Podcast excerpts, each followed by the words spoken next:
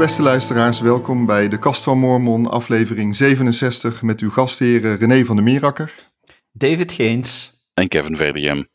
Welkom, uh, we zijn er terug uh, klaar voor. Een nieuwe, nieuwe aflevering, zoals we net zeiden, Radio KRD.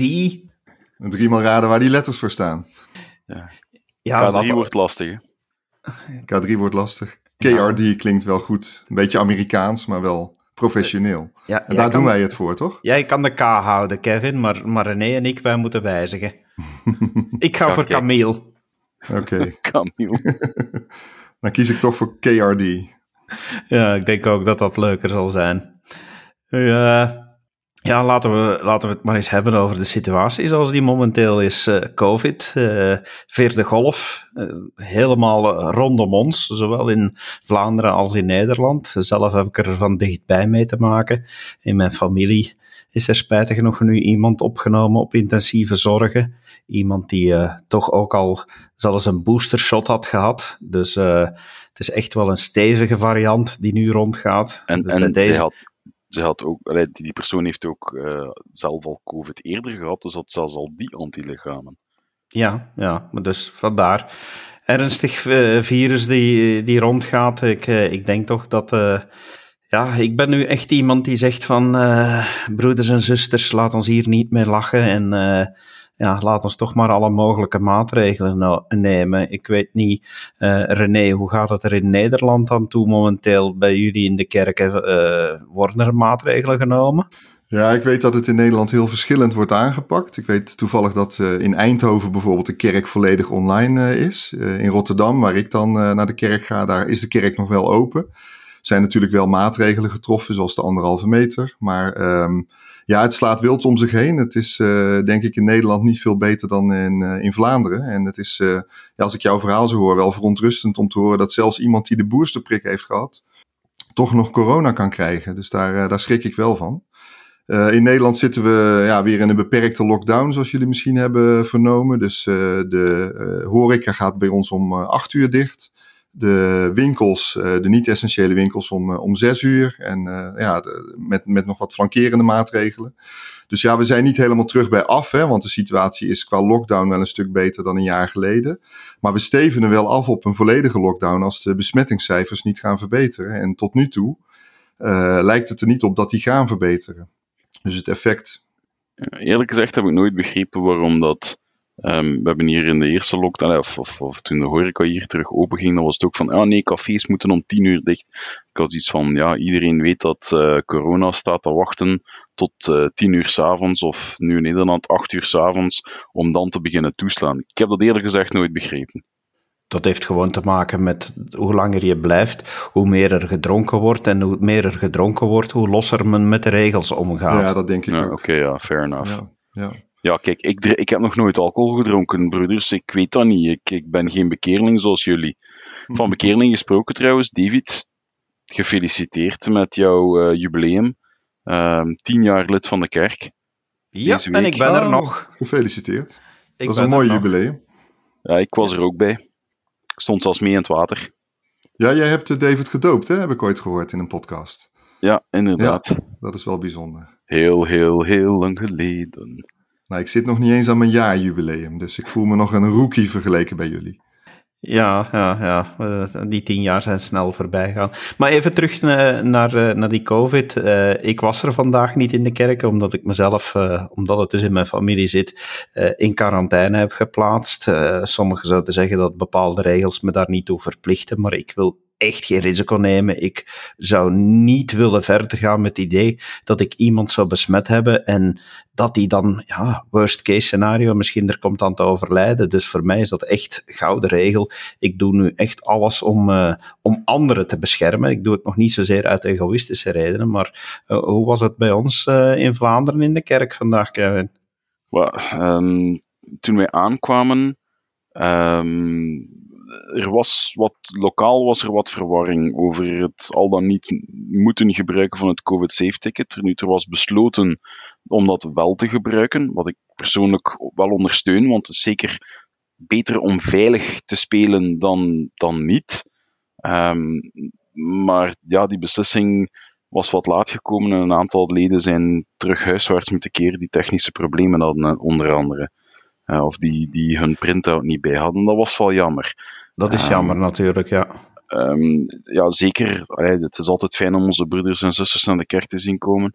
Um, de beslissing is ook gemaakt om bij ons echt lokaal in Gent dan om uh, de diensten terug online te gaan houden. Met dat verschil dat men besloten heeft dat enkel die gezinnen die um, thuis het priesterschap hebben en die dus thuis het avondmaal kunnen bedienen, um, dat zij thuis blijven. En dat dus de alleenstaande zusters met name, die dus zelf geen, internet, uh, geen um, uh, priesterschap hebben, en, en, of, of, of, zelfs met hun kinderen, hè, die, als er nog geen priester bij is, die het avondmaal kunnen inzegenen bijvoorbeeld, dat die gezinnen of, of die alleenstaande zusters wel naar de kerk komen om daar een dienst te hebben waar ja, dan de mensen veel verder uit elkaar gaan zitten. Um, maar als ik het begrepen heb, wil dat ook wel zeggen dat er voorlopig geen lessen meer zullen zijn, ook niet online, omdat dus opnieuw ja, een deel wel lokaal zit en een deel van thuis volgt. Dus ja. het is. Ja. Ik, ik, vind het, ik, ik, vind het oké dat, er, dat er terug uh, maatregelen worden genomen. We, we moeten er hier niet mee lachen met dat virus. Ja, nee, en ik, ik wil ook niet dat dat tot twist leidt. Weet je wel, eh, ik, ik, heb ook zoiets van, goed ja, onze, onze lokale leiders hebben dat besluit genomen. Ik heb op het moment dat zij geroepen werden, heb ik mijn hand omhoog gestoken om hen te ondersteunen. Ik ga daar nu niet op terugkeren, omdat ik vind, of dat, omdat ik bijvoorbeeld persoonlijk zou vinden, niet dat het zo is, maar ah nee, wij moeten wel blijven samenkomen en, en de wet staat ons toe om, om uitgebreider te gaan, bijvoorbeeld. Um, nee, daar wil ik niet aan beginnen. Ik, ik, ik wil mijn, mijn leiders wel steunen en ik, ik heb hier geen probleem mee. Ja, zo zit ik er ook in. Ik merk in Nederland wel veel uh, mensen die verschillend hierover denken. Dit leidt echt tot tweestrijd. Het zijn mensen die, uh, ja, die gewoon de, de, adviezen van de profeten opvolgen. maar er zijn ook mensen die ja, toch wel tegen het vaccineren zijn en dat ook, ook wel laten horen. Dat vind, vind ik op zich prima. Alleen ik merk wel dat, er, dat de discussies wat verharden in Nederland. En dat, dat, ja, dat is toch jammer. Je zou eensgezind zo'n vijand te lijf willen gaan en niet met elkaar woorden willen hebben hierover. Maar Nederland is daar op zich geen uitzondering. Ik, ik heb er nu nog niet zoveel van opgevangen in Vlaanderen, maar ik weet wel bijvoorbeeld, eh, met, uh, met internationale contacten die ik ook heb vanuit mijn roeping, dat in de Verenigde Staten zelf dit vrij ernstige vormen begint aan te nemen. Daar zijn nu echt splintergroepen ontstaan. Uh, voorlopig blijven ze zichzelf wel lid beschouwen van onze kerk. De meesten blijven ook eh, waar mogelijk naar de kerkdiensten gaan. Maar daar zijn daar toch al een, een tweetal die, die nu echt wel op de radar komen. Uh, waar bij eentje, de ene laat het nog zo wat in het midden, maar de ander, ja, daar zijn toch door ja, de, de ad hoc leiders toch wel, wel heel sterke uitspraken gedaan in de aard van ja, dat, uh, dat onze profeet oproept tot vaccinatie en zichzelf heeft laten vaccineren, is een bewijs dat uh, hij een gevallen profeet is en dat de autoriteit verdwenen oh, is.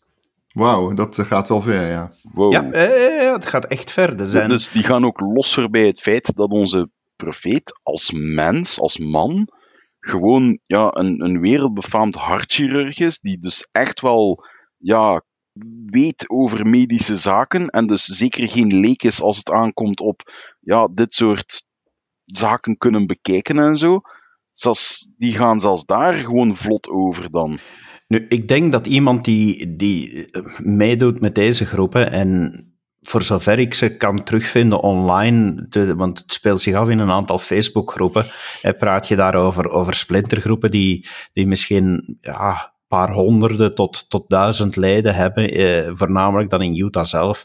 Ik heb ook wel sterk de indruk dat, uh, dat in die groepen meer speelt dan alleen vaccinatie. Dat, dat, ook, uh, dat je daar ook mensen vindt die ja, zitten met issues zoals uh, priesterschap voor vrouwen, standpunt over mm. ja, same-sex marriage en, enzovoort. Dus het wordt, het wordt nogal makkelijk een verzamelputje, maar ja, toch wel uitdrukkelijk dan dat men nu dat aangrijpt om te zeggen van kijk, ja, uh, er moet een herstelling van de herstelling komen. Dat merk je dan. Dat is de rode draad dat je in die groepen terugvindt. Ik heb er zo een paar gaan, gaan opzoeken op Facebook uh, en, en dat vind je er dan toch wel in terug.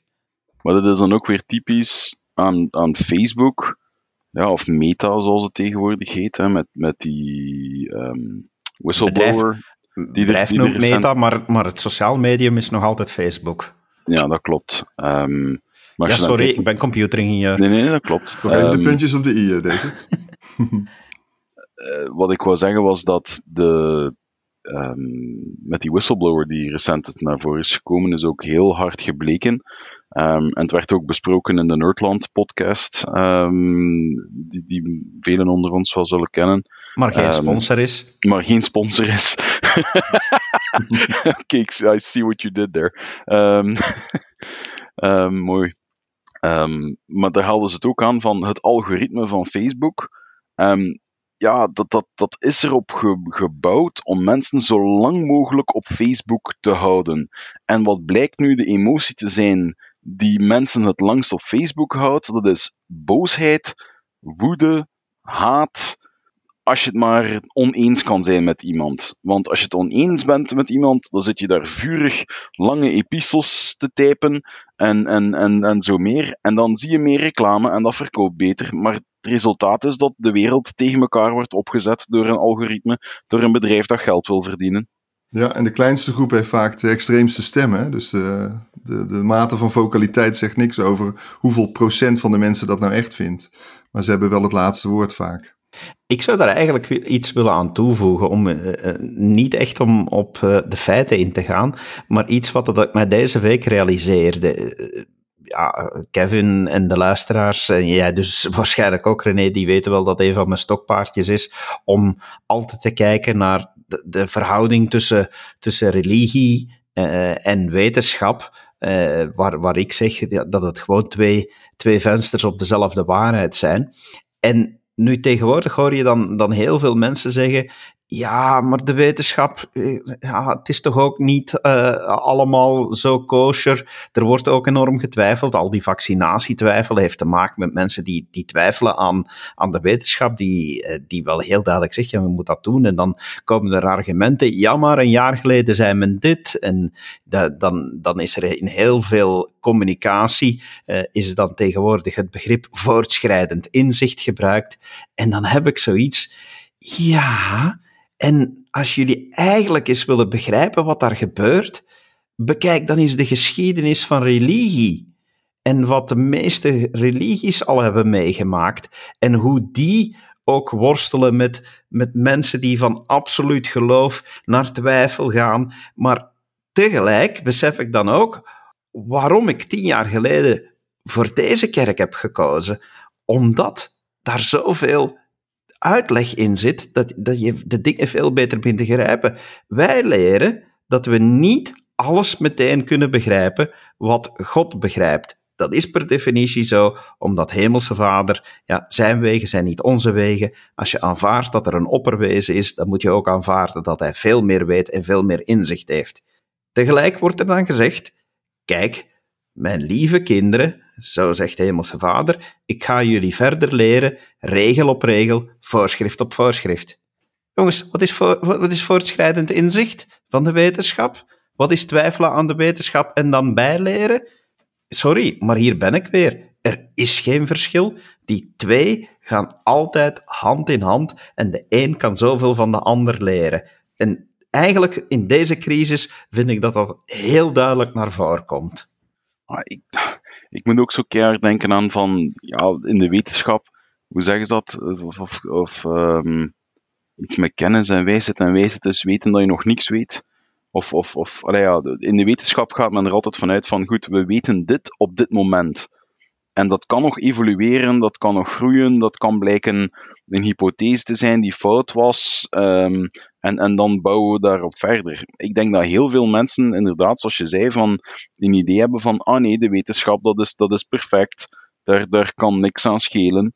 Um, maar dat wil er niet zeggen. En, ik vind het zo, je hebt zoveel mensen ik heb er zelf ook al gehoord hoor, die tegen mij zeggen van ja, maar ja, in het begin van corona heeft een die een dag gezegd, hè, dat, is, dat was een grote daar in Amerika, en die heeft dit over mondmaskers gezegd, die zei dat dat niet nodig waren. Ja, maar context alsjeblieft. Hè. Op dat moment was nog geen pandemie en weet ik nog allemaal veel. En, en, en het, ik, ik, vind het, ik zie het zo vaak, en om dan weer de link terug te leggen naar wat jij zei, David, naar religie. Ik heb op zending ook zoveel mensen tegenkomen die proberen te Bijbelbashen. Hè, voor wie dat nog niet uh, zou kennen, dat is dat je met schriftuur naar iemand zijn kop begint te gooien. Niet letterlijk dan, maar de, de schriftteksten. Om toch maar te proberen een punt te bewijzen. En dan merk ik nu ook met, uh, met, met die, die antivaxers en zo, die, die halen dingen die wetenschappers gezegd hebben compleet uit context of gaan, zoals dat in religie, mensen die nog terugverwijzen naar het Oude Testament, alsof dat, dat niet uh, vervolledigd was door de komst van Christus. En, en, en die dan zei van ja, en nu gaan we naar een hogere wet. Die gelijkenissen zijn, zoals je zegt, zo treffend. Ja, dat punt van voortschrijdend inzicht spreekt mij aan. Hè. Ik bedoel, iets is waar tot het tegendeel wordt, uh, wordt aangetoond en dan leer je steeds meer bij. En het is nu heel populair in Nederland om bijvoorbeeld filmpjes van onze minister van Volksgezondheid van een jaar geleden te delen. Daar het vergrootglas op te leggen en zeggen van kijk, hij heeft toen dat gezegd, maar nu weten we dat dit. Maar ja, toen waren de omstandigheden anders. En, en ja, hij, hij reageerde ook op de omstandigheden van dat moment. Dus uh, ja, als je nooit zou, zou kunnen bijleren, dan, uh, ja, dan zou ik nooit je mond open moeten trekken. Dus dat vind ik een verkeerde benadering, eerlijk gezegd. Om het, uh, om het te zeggen, ja, religie en wetenschap, die zijn beide perfect. Maar wij zijn niet perfect en we weten er nog niet alles van. Ja. De dag dat we van beide alles weten, zullen ook wij zien dat ze perfect zijn. Mooi gezegd. En overigens is twijfel ook iets wat erbij hoort. Hè? Ik bedoel, dat moet je soms ook gewoon omarmen. Uh, twijfel is op zich niet verkeerd. Als jij uh, twijfels hebt bij bepaalde dingen en, en daar meer onderzoek voor nodig hebt, dan is daar uh, helemaal niks mis mee, denk ik. Ja, ik vind, ik vind de leukste uitspraak die ik de laatste weken heb gehoord, leuk, ja, leuk eigenlijk cynisch, ironisch bedoeld, maar eigenlijk een goede doordenker. Ik heb iemand horen zeggen, ik ben mijn geloof in de wetenschap verloren. Die twee dingen, maar dan in die volgorde, ik vond het een, ik vond het een mooie uitspraak. Ik dacht van, nou nou. Contradictio ja. in terminis. Of, of terminus, ik weet het niet meer. Ja. Je weet, Latijn is uw sterke kant. Contradictio in terminus. Terminis. Terminis, ja. ja. In, in, de contradictio in terminus is wanneer twee bussen tegenover elkaar geparkeerd staan op de eindhalte. maar nee, ja, het, is een feit. Um, wetenschap en, en, en religie zijn inderdaad twee zijden van dezelfde munt. En tenzij dat je die volledig gaat bestuderen, ga je nooit weten waar het op neerkomt. Het is een beetje gelijk een euromunt. Als je die bekijkt, aan de ene kant is die altijd hetzelfde. En, aan de andere, en pas als je de andere kant bekijkt, ga je weten van welk land die komt. Um, nou ja, het is zo.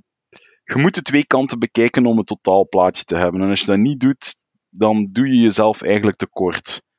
En ik vind het ook fijn dat wij een levende kerk hebben. Hè? Een, een, kerk die reageert en zich aanpast naar de omstandigheden. Dus dan, dan moet je ook veranderen. En, en soms is dat moeilijk. Maar ja, uiteindelijk. Uh, Inderdaad, soms is dat moeilijk, maar voortschrijdend inzicht en openbaring, twee verschillende woorden voor, voor gewoon te zeggen, we leren altijd maar bij. Nu, om nog wat bij te leren, we, we hebben wetenschap, we hebben, we hebben geloof, uh, we hebben dan ook literatuur. En jij bent dan het lezen geslagen, René. Wat, uh, welk boek heb je achter de kiezen? Ja, ik hou, van, ik hou van lezen. Om in dat verband maar eens even een citaat erin te gooien. In Leer en Verbonden staat: Put woorden van wijsheid uit de beste boeken. Dus lezen wordt ook in, in Leer en Verbonden aangemoedigd. Nou, wat ik, ik hou van lezen. Het boek wat ik de afgelopen tijd heb gelezen is No Brother Joseph. En met als subtitel New Perspectives on Joseph Smith's Life and Character. nou, het is een boek dat dit jaar is verschenen. Het is een compilatie van zo'n zo'n 40 essays ongeveer. die essays zijn geschreven door schrijvers en editors die bezig zijn met de Joseph Smith Papers. Ik weet niet of jullie uh, dat kennen, de Joseph Smith Papers. Zeker. Toch wat gevolgd, ja. Voor degene die het niet weten, is een heel interessant uh, traject. Hè, waarbij alle geschriften, brieven, dagboeken, kattenbelletjes enzovoort van Joseph Smith worden gedocumenteerd. In een enorm project. Ze willen daar geloof ik in 2023 klaar mee zijn. En dan zijn er ruim 20.000 pagina's in dat hele uh, project. nou, je kunt, als je daar meer van wil weten, kun je kijken op josephsmithpapers.org. maar daar gaat het niet om. De schrijvers en de editors die daarmee bezig waren, die hebben zeg maar persoonlijke essays geschreven over Jozef Smith. En ja, ze hebben dat op een hele toegankelijke manier gedaan.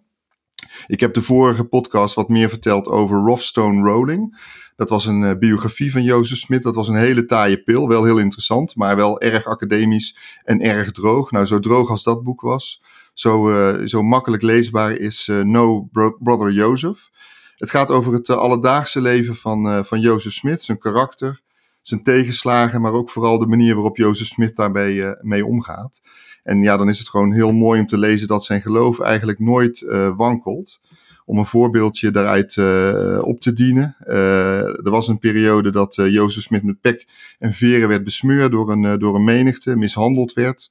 En ja, hij stond de volgende keer, ochtend stond hij al gewoon in de kerk om te preken. Terwijl ik denk, ja, ik zou dan een weekje overslaan. Vijf dagen later stierf zijn, zijn eenjarige zoon. die leed aan de mazelen. En ja, Jozef en Emma die waren ervan overtuigd dat hij kou had gevat, omdat de menigte zeg maar de deur van zijn huis had opengerukt. Maar God had aan hem gevraagd om naar Missouri, Missouri, te reizen. Nou ja, je zou dan denken, dan vraag je om vertragingen. Dan denk je toch dat je verzachtende omstandigheden uh, zou hebben. Nou, dat, dat, dat, deed hij niet. Hij klaagde ook nooit. hij vroeg ook nooit aan God om zijn leven makkelijker te maken. Nee, we lezen dan dat twee dagen na, zijn, na de dood van zijn zoon hij alweer naar Missouri vertrekt. En hij schrijft dan aan Emma, en dat vond ik wel mooi om te lezen. Hij, hij zegt: uh, Ik heb mijn leven in de handen van de Heer gegeven. Mijn leven is ondergeschikt aan het uitvoeren van, uh, van Gods werk. En ik las ook in een, of ik hoorde in een podcast een interview met een van de schrijvers van die essays. En die, uh, die, had, die had kanker. En die had daar heel veel verdriet van. En maar toen hij dat las, toen dacht hij van ja. Um, als, als zelfs de door God uitgekozen profeet zoveel tegenslagen te verdragen heeft in zijn leven, ja, waarom zou ik dan denken dat ik in mijn leven verschoond blijf van tegenslagen? Uh, dus dat, uh, ja, dat over No Brother Joseph. Interessant boek, ook met, met, met weetjes die ik nog niet kende. Je leert ook Jozef Smith kennen als een heel leergierig mens. Ik wist bijvoorbeeld niet dat hij ook lessen Grieks, Hebreeuws, Egyptisch, Latijn en Duits volgde. en ja, een mooi inkijkje in het leven van, van Jozef Smit. Heel inspirerend en heel opbouwend wat mij betreft. Wie heeft het boek uitgegeven? Uh, het is uitgegeven bij, uh, bij Deseret, de uitgeverij van, van de kerk. ik heb het als, als e-book aangeschaft. Ik denk dat je het ongetwijfeld ook wel in print zult, zult kunnen kopen. Het is gewoon op Amazon verkrijgbaar, maar waarschijnlijk ook wel rechtstreeks bij Deseret verkrijgbaar. Ja, zeker. Die hebben zelfs een eigen applicatie voor uh, hun e-books. Misschien nog uh, een extra weetje over um, Jozef die daar in pek en veren um, de, de dag er, erna ja, in de kerk aan het prediken was. Er zaten mannen in het publiek of, of in, de, in de ruimte um, die gewoon lekker hem mee onder pek en veren hadden gestoken in zijn sermon de volgende ochtend. Dus stel je voor, hè, je, je staat daar ineens ongetwijfeld vol brandplekken. Um, want ja, zo pek, dat, dat, dat is notoir om slechts vloeibaar te zijn als dat enorm warm is. Um, dus stel je voor, die man staat daar met brandwonden een, een preek te geven of, of, of, of, of te onderricht, te onderwijzen aan een groep mensen waarvan dat zijn belagers er gewoon tussen zitten. Ja, dat is heel Dat is, ja, als, je mag zeggen wat je wil over Jozef Smit, vind ik. En iedereen heeft, heeft zijn recht om dat te doen. Maar je kan niet zeggen dat de man niet dapper was. Zeker weten. Je zag heel duidelijk dat hij, dat hij echt gesterkt werd door, uh, door zijn geloof. Ja, die, uh, die heeft inderdaad ja, zo'n sterk geloof altijd blijven tonen. Ja, we kunnen nu achteraf wel zeggen, ja, maar ja, goed, als je God hebt gezien, God de Vader en, en de Zoon, dan, uh, dan, dan, dan, dan heb je natuurlijk wel een heel sterke getuigenis, maar toch, uh, ik denk dat dat alleen niet voldoende geweest is. Dat denk ik Inderdaad. Hebben jullie nog nieuwtjes uit uh, ons lekker wereldje van leden van de Kerk van Jezus Christus van de Heilige der Laatste Dagen? Ja, ik las over een uh, onderzoek van het American Enterprise Institute. Die hebben onderzoek gedaan naar verschillende religieuze uh, gemeenschappen. En daar kwam uit, en dat zal ons niet verbazen, dat onze kerk zich meer dan andere kerkgemeenschappen heel erg verbonden voelt met elkaar. Dus de percentages van verbondenheid die zijn nergens anders zo hoog als in, in deze kerk. Maar liefst 72% van de leden voelt zich verbonden met hun, hun kerkgemeenschap. Nou, dat blijkt dan ook uit, uit andere dingen. Dat blijkt ook uit bijvoorbeeld liefdadigheid. Het feit dat onze leden bovengemiddeld bevriend zijn met andere kerkleden, elkaar goed kennen. Interessant feitje vond ik dat in, in onze kerk 90% van de leden elkaar bij naam kent. En ook goed kent. Terwijl bij de andere religieuze groeperingen bleek dat maar liefst een derde van de mensen elkaar niet eens bij naam kent. Dus die, uh, ja, die verbondenheid, die, die spreekt hier wel heel erg uit. En ja, ik herken hem ook. Ik, ik ben nog niet zo lang in de kerk, of nog niet zo lang als jullie. Maar het gevoel van samenhorigheid, dat, dat is heel groot. Ik kan me nog herinneren, een paar maanden geleden ben ik gaan helpen met een groepje mensen uit wijk Rotterdam 2 in Wallonië bij de overstromingen. Dat waren allemaal mensen die ik nog niet kende, maar wij stonden om half acht ochtends te bidden samen op de parkeerplaats om samen in twee busjes op pad te gaan.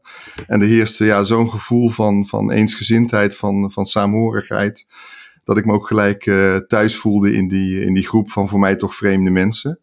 En uh, ja, los dat we daar goed werk hebben kunnen, kunnen doen, uh, ja, ging ik ook enorm gesterkt naar huis, omdat ik nieuwe mensen heb leren kennen in de, in de kerk. Dus ik denk dat dat een heel goed punt is van onze, onze kerkgemeenschap. Um, Wel, René, ja. eigenlijk, ik weet niet of dat je dat, want je bent nog maar een jaar lid en waarschijnlijk heb je ook door de, de, de COVID-pandemie nog, nog niet echt veel kunnen reizen.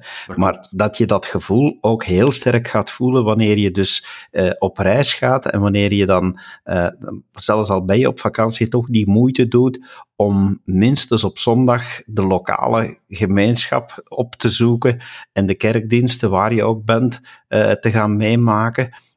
Ongelooflijk hoe snel dat je je thuis gaat voelen. Dat valt enorm hard op. Uh, ik herinner me dat nog, dat, uh, dat ik op die manier, als ik nog niet zo lang lid was en op reis ging, dat ik dat heel snel ondervond om, om snel ja, dat gevoel te krijgen van hey, dit is familie, hier hoor ik bij, wij begrijpen elkaar, we hebben dezelfde visie, die verbondenheid. Uh, dat is dus niet enkel zo in, in een land, maar dat is echt internationaal uh, over, over de ganse wereld, uh, onder alle leden van de kerk eigenlijk. Ja, dat is hartverwarmend. Ik ben een paar weken geleden geroepen als uh, wijkzendingsleider.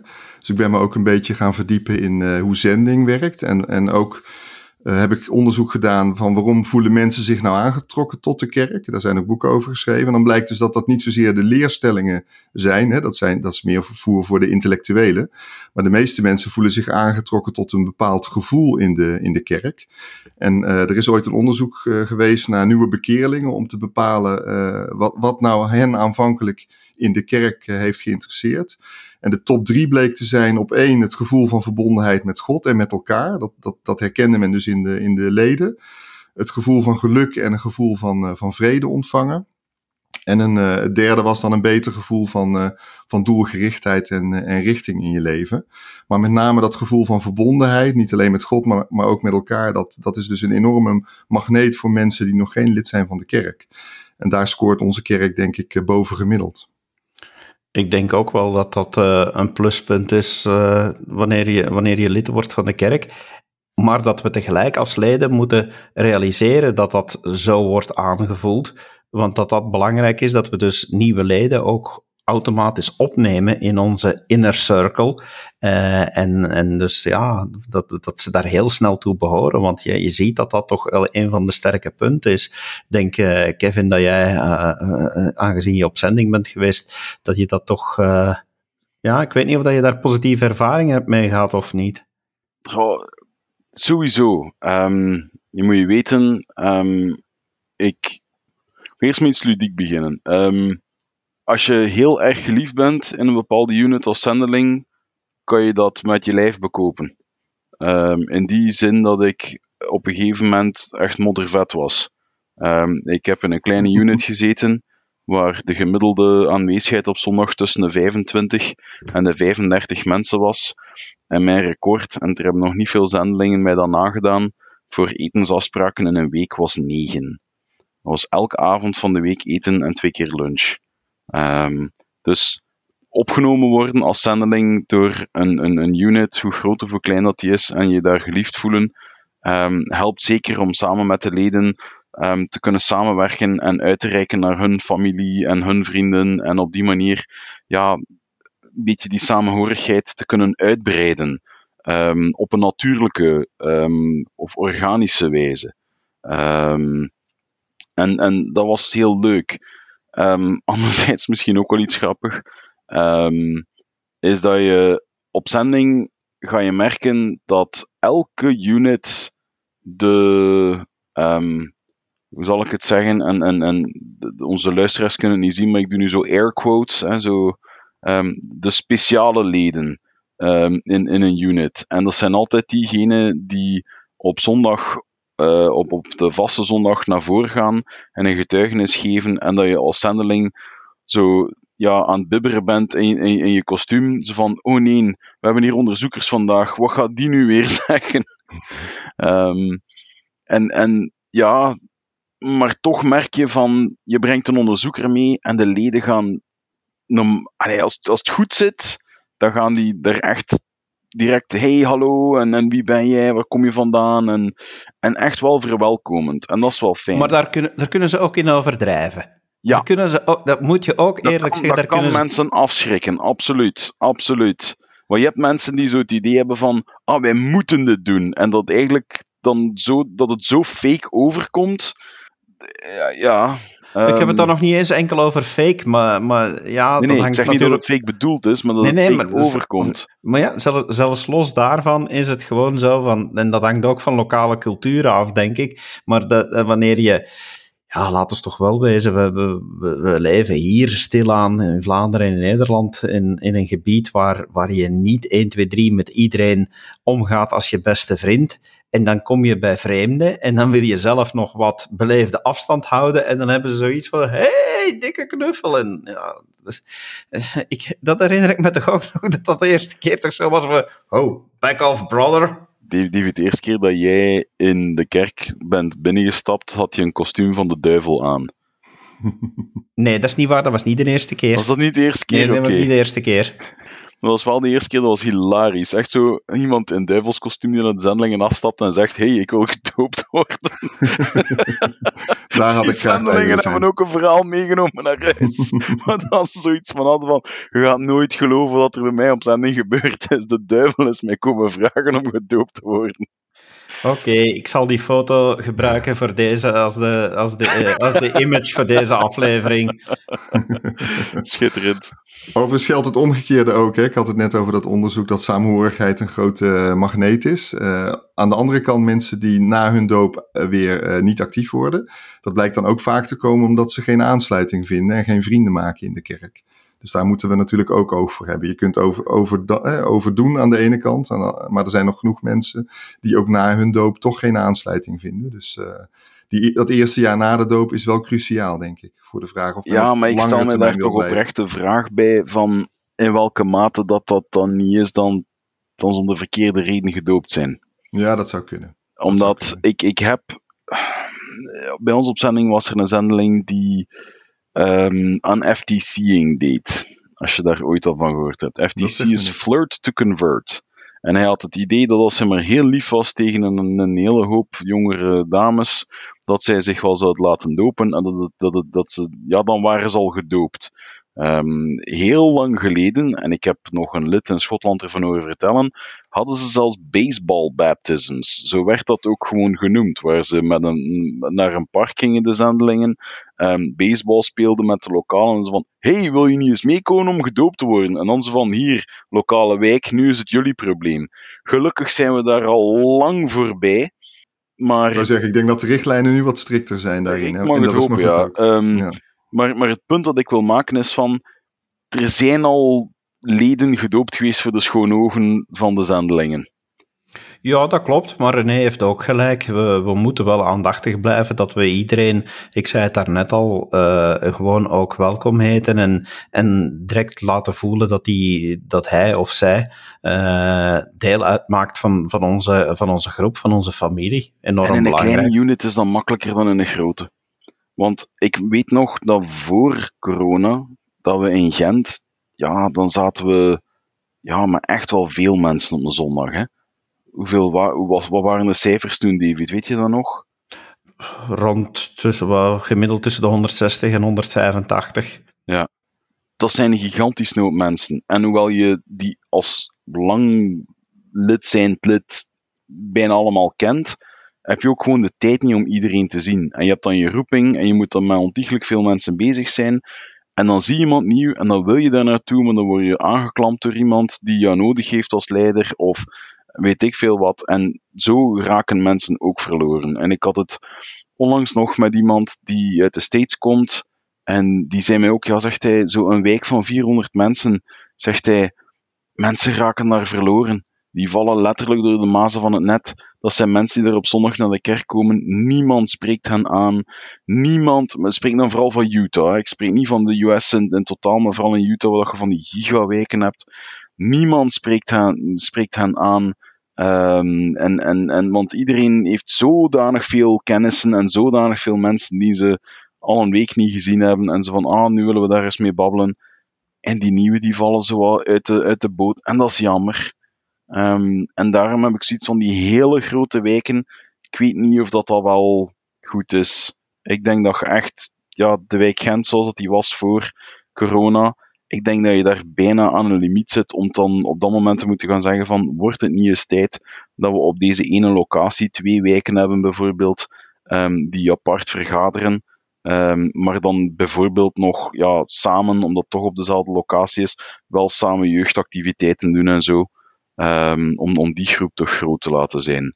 Want mensen vallen echt wel door de mazen van het net en dat is gewoon jammer. Ja, ja oké. Um, ik heb nog uh, iets leuk gevonden dat ik, uh, dat ik wil delen met iedereen. Uh, we krijgen natuurlijk al regelmatig, en, ieder lid in, in de kerk heeft daarmee te maken, krijgt wel eens de vraag van, ja, wie zijn jullie nu eigenlijk? En wat is er zo, ja, hè, ja, wat is er speciaal aan jullie? En ik vind het dus heel leuk om te zien dat die, uh, dat die vraag soms beantwoord wordt door mensen die geen lid zijn van onze kerk. Uh, ik ben op een Australische website terechtgekomen. Uh, waar uh, een Australische website van, van katholieken. En daar, daar is ook een vraagrubriekje. En uh, vader John Flader heeft, daar zo regelmatig een vraag die hij beantwoordt. En er was dus een vraag binnengekomen, en ik vertaal het even. Uh, gedurende de afgelopen jaren heb ik regelmatig mormonen op deuren zien kloppen. En ja, occasioneel zijn ze zelfs uh, naar mij toegekomen. Ze zijn ongelooflijk beleefd. Ze maken een ongelooflijke indruk. Uh, wat is nu die achtergrond van die mormonen en wat zijn hun voornaamste uh, geloofsovertuigingen? En dan gaat, uh, gaat die priester, Father John Flader, die, die geeft daar een antwoord op.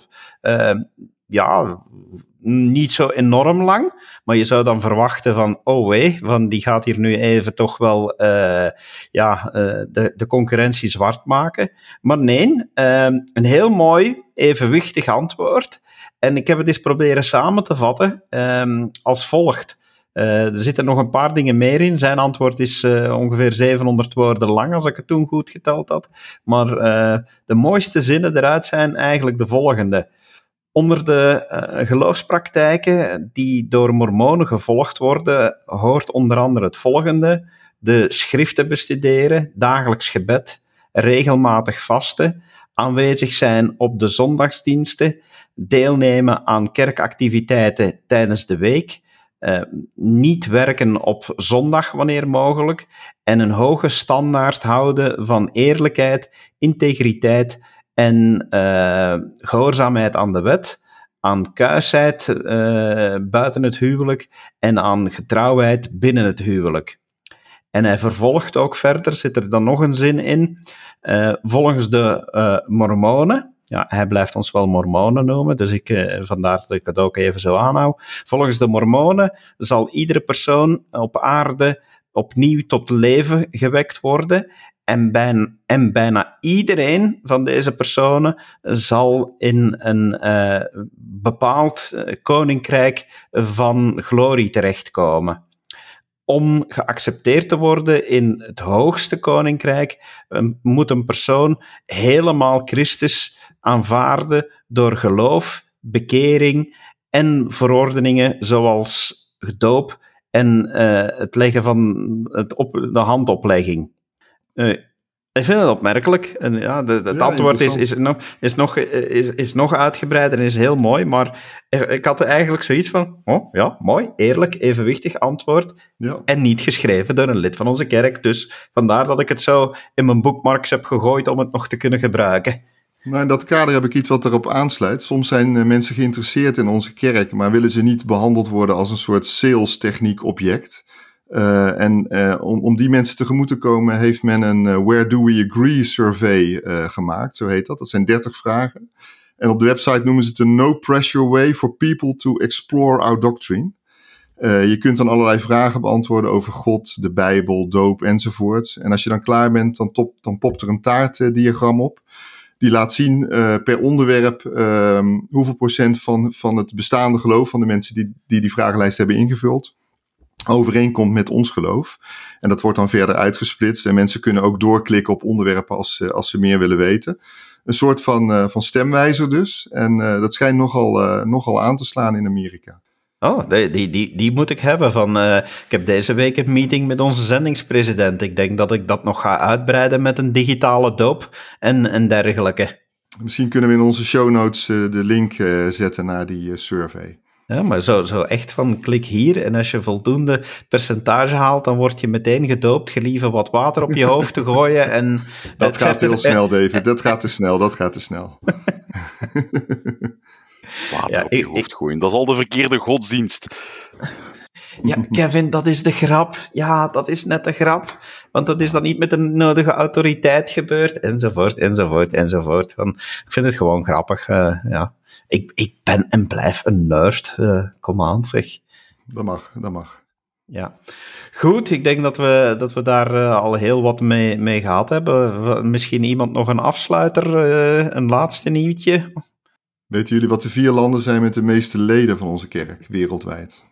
Uh, Chili, dacht ik, is er eentje van. Ik dacht dat in Chili 1 op 13 lid is van de kerk of zo. Verenigde Staten. Die, die vooral, hè, dat is 40%, dat is nummer 1, dat is niet moeilijk. Maar nummer 2, 3 en 4 zijn Mexico, Brazilië en de Filipijnen. Uh, en qua continent is 1 natuurlijk Noord-Amerika, maar 2 is Zuid-Amerika. En inderdaad vooral Chili, maar ook Peru en Argentinië zijn heel sterk aan het, uh, aan het groeien. Maar ze zitten nog niet in de, in de top 4. Maar Mexico staat dus op 2. Dat, uh, ja, dat verbaasde mij wel. Ik kan daar maar één ding op zeggen. Olé. Oh, nou, dat is als dat geen mooie afsluiting Lieve luisteraars, alsjeblieft blijf bij ons. Ga niet lopen. We beloven er komt betere content. um. dat was toch een perfect dad joke? Ja, ja. Niet iedereen kan die smaken. Mijn kinderen bijvoorbeeld uh, vinden mij extreem flauw wanneer ik dat soort moppen uh, naar boven haal. Maar dat is de fun ervan, dat is wel waar. Dat is de fun ervan.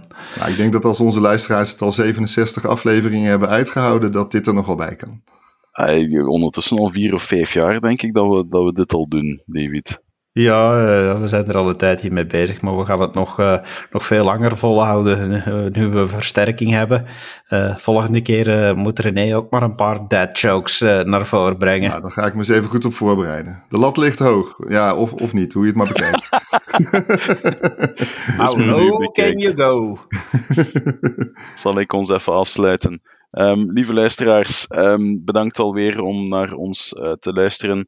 Uh, wij horen heel graag van jullie. Um, je kan ons steeds een vraag stellen via e-mail. zeg het maar at dekastelmormon.info. je kan ook op onze Facebookpagina terecht of ja, je kent onze namen. Kan je ook uh, persoonlijk een, een, een, mailtje sturen of een berichtje sturen via Facebook. Gebruik wel een mondmasker voor je dat doet. Oh, flauw, flauw. Um, maar bedankt voor het luisteren en wij, horen jullie, uh, wij spreken jullie graag de volgende keer opnieuw toe. Tot ziens. Dag. Dag.